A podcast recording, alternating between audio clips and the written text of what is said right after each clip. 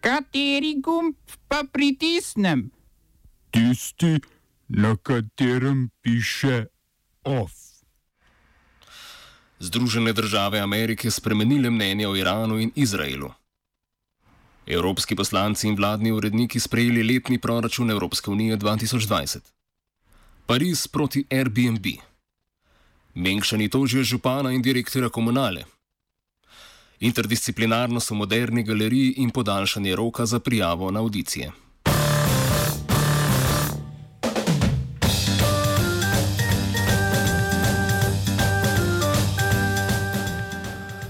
Zunani ministr Združenih držav Amerike Mike Pompeo je sporočil, da so ZDA spremenile svoje mnenje o izraelskih naselbinah na Zahodnem bregu in vzhodnem Jeruzalemu.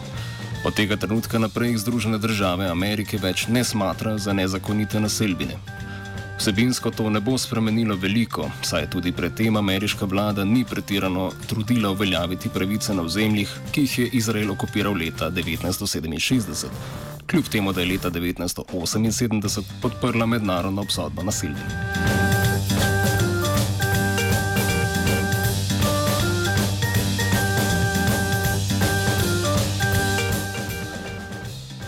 Spremenil pa se je tudi položaj Združenih držav preko Jordanije in Iraka v Iranu.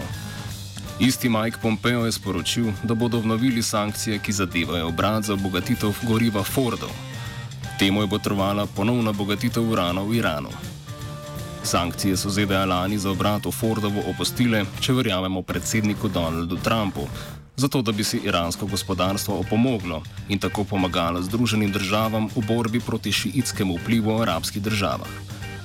Iran bo tako ponovno moral stopiti na pot opustitve bogatenja in predelave urana, obrat v Fordovu pa se bo postopoma preoblikoval v elektrarno.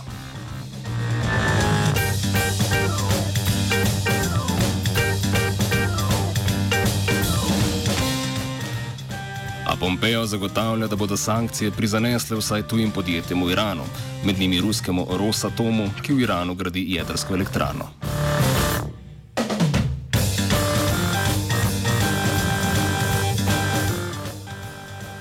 Medtem ko se vlada Združenih držav Amerike ukvarja s politiko izven svojih meja, pa je Evropska unija v zadnjem trenutku pred iztekom roka dobila proračun za prihodnje leto.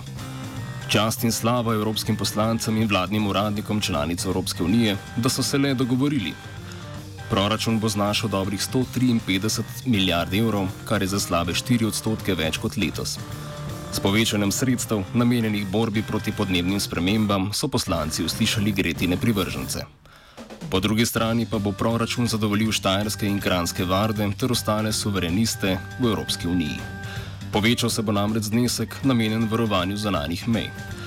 Na vse zadnje bo EU proračun 2020 narisal nasmešek na obraze milenicev, privrženih znanstveni fantastiki, saj bo nekaj denarja namenjenega tudi vzpostavitvi Evropskega satelitskega centra po imenu Galileo.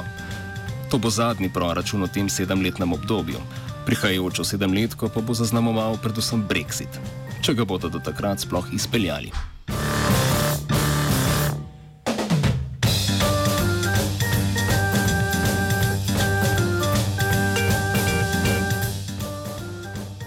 prestolnici ljubezni z velikim faličnim stolpom na sredini, preglavice ponovno povzroča spletna prenočitvena platforma Airbnb.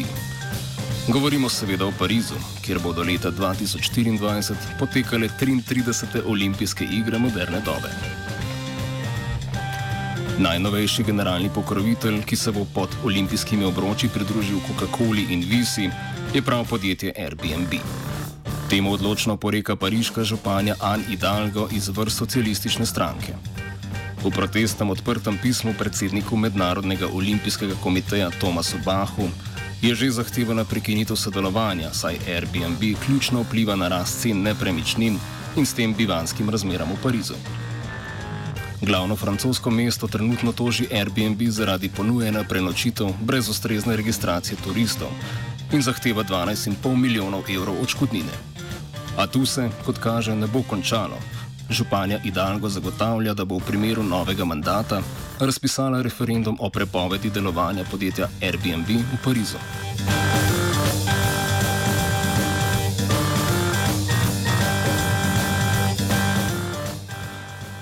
Prvi namestnik premijeja Republike Srbije Ivica Dačić na svojem popotovanju okoli sveta uspešno nadaljuje pogajanja o statusu Kosova.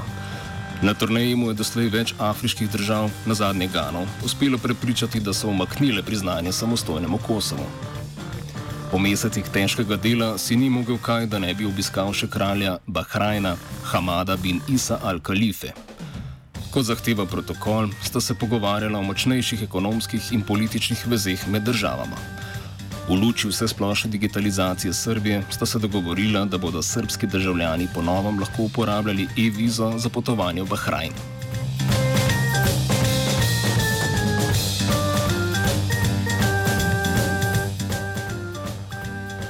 A vsi diplomatski uspehi Ivice Dačiča na stran, spletni portal Novosti RS odkriva, da se skozi Kosovo v Srbijo zelo inovativno preliva veliko albanska ideja.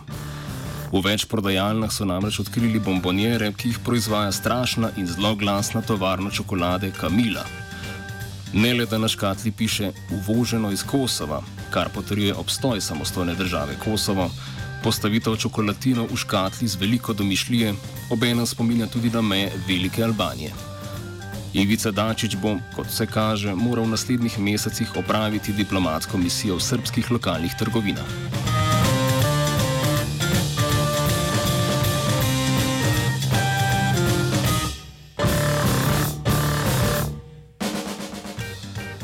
Bitka za izobrazbo v Zagrebu se zaostruje. Po 27 dnevih krožne stavke, v kateri je vsaka hrvaška šola izpustila pet dni pouka, je država prenehala plačevati delovne ure učiteljev med stavko. Sindikat hrvaških učiteljev in neodvisni sindikat zaposlenih v srednjih šolah Hrvaške odgovarjata začetkom splošne stavke po celotni državi. Vladna taktika postopnega povečevanja osnovne postavke javnim uslužbencem in s tem tudi sebi ni uspela. Stavkajoči delavci namreč zahtevajo povečanje koeficienta o zahtevnosti delovnega mesta, ki se nanaša zgolj na plače zaposlenih v izobraževanju. Jutri tako napovedujejo protest z naslovom Potrobi za izobraževanje, s katerim bodo poskušali zmotiti vrh Evropske ljudske stranke, ki se bo odvijal v prostorih Hrvaškega sabora. Če to ne bo zadostovalo, bo 25. novembra v središču Zagreba velik učiteljski shod. Oba, če, če bom odgovoril na angliški. Slovenija will try to help. We can Slovenija will and we will do our utmost To say that the situation is our problem ourselves. and uh, We will make further steps as soon as the conditions are bomo vlado Marjana Cererja, Mira, eh, Marjana Cererja Šarca podprli. uh, very, very serious. we know how and we will.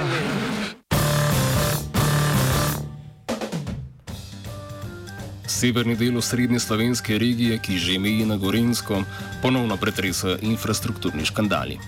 Medtem ko se v vodicah pripravlja na nov protest za obvoznico, Menkšani, ki so obvoznico na podoben način že dobili, vlagajo tožbo proti županu in direktorju komunale. Župan občine Mengeš Franc Jerič in direktor občinskega komunalnega podjetja Marko Fatur naj bi bila odgovorna za najprej zaprtja in kasneje porušitve povezovalnega vodovoda medobčinskega vodooskrbnega sistema Krvavec. S tem so oškodovali premoženje in prekinili oskrbo občanov z neokrnjeno alpsko vodo. Vse to v nasprotju sklepi občinskega sveta. Pravno zgodbo, ki jo je spisala vodooskrbna afera, opiše pobudnik skupinske tožbe Tomaš Tebe. Ja, mi smo že vložili eno ovadbo na tožilstvo v Domžalah. Tožilc eh, Milanovič ni razpoznal uh, sumov kaznivega dejanja v primeru porušitve vodovoda, kar je najmanj uh, čudno. Zato smo se odločili za skupinsko vadbo na nacionalni preiskovalni urad z podrobno razlago. Gre za skupinsko vadbo, 80 ljudi je to podpisalo, niti ni bistveno število, gre za to, da je to najmanj, milo rečeno, izjemen primer, kako se ne upoštevajo sklepi občinskega sveta, da se oskrbujemo znanstvo vode izpod krvalca, da se nujno pri obnovi in da bomo sodelovali tudi pri povečanju kapacitet. Pa ne samo to, da se ne spoštuje sklepi, ampak da se vodovod izklopi in celo poruši povezava. Mi, mi zahtevamo, da um, organi, se pravi nacionalni preiskovalni urad in verjetno tožilstvo v skladu z pristojnostmi in, in uh, dožnostmi ustrezno ukrepajo. OF je pripravil Virant.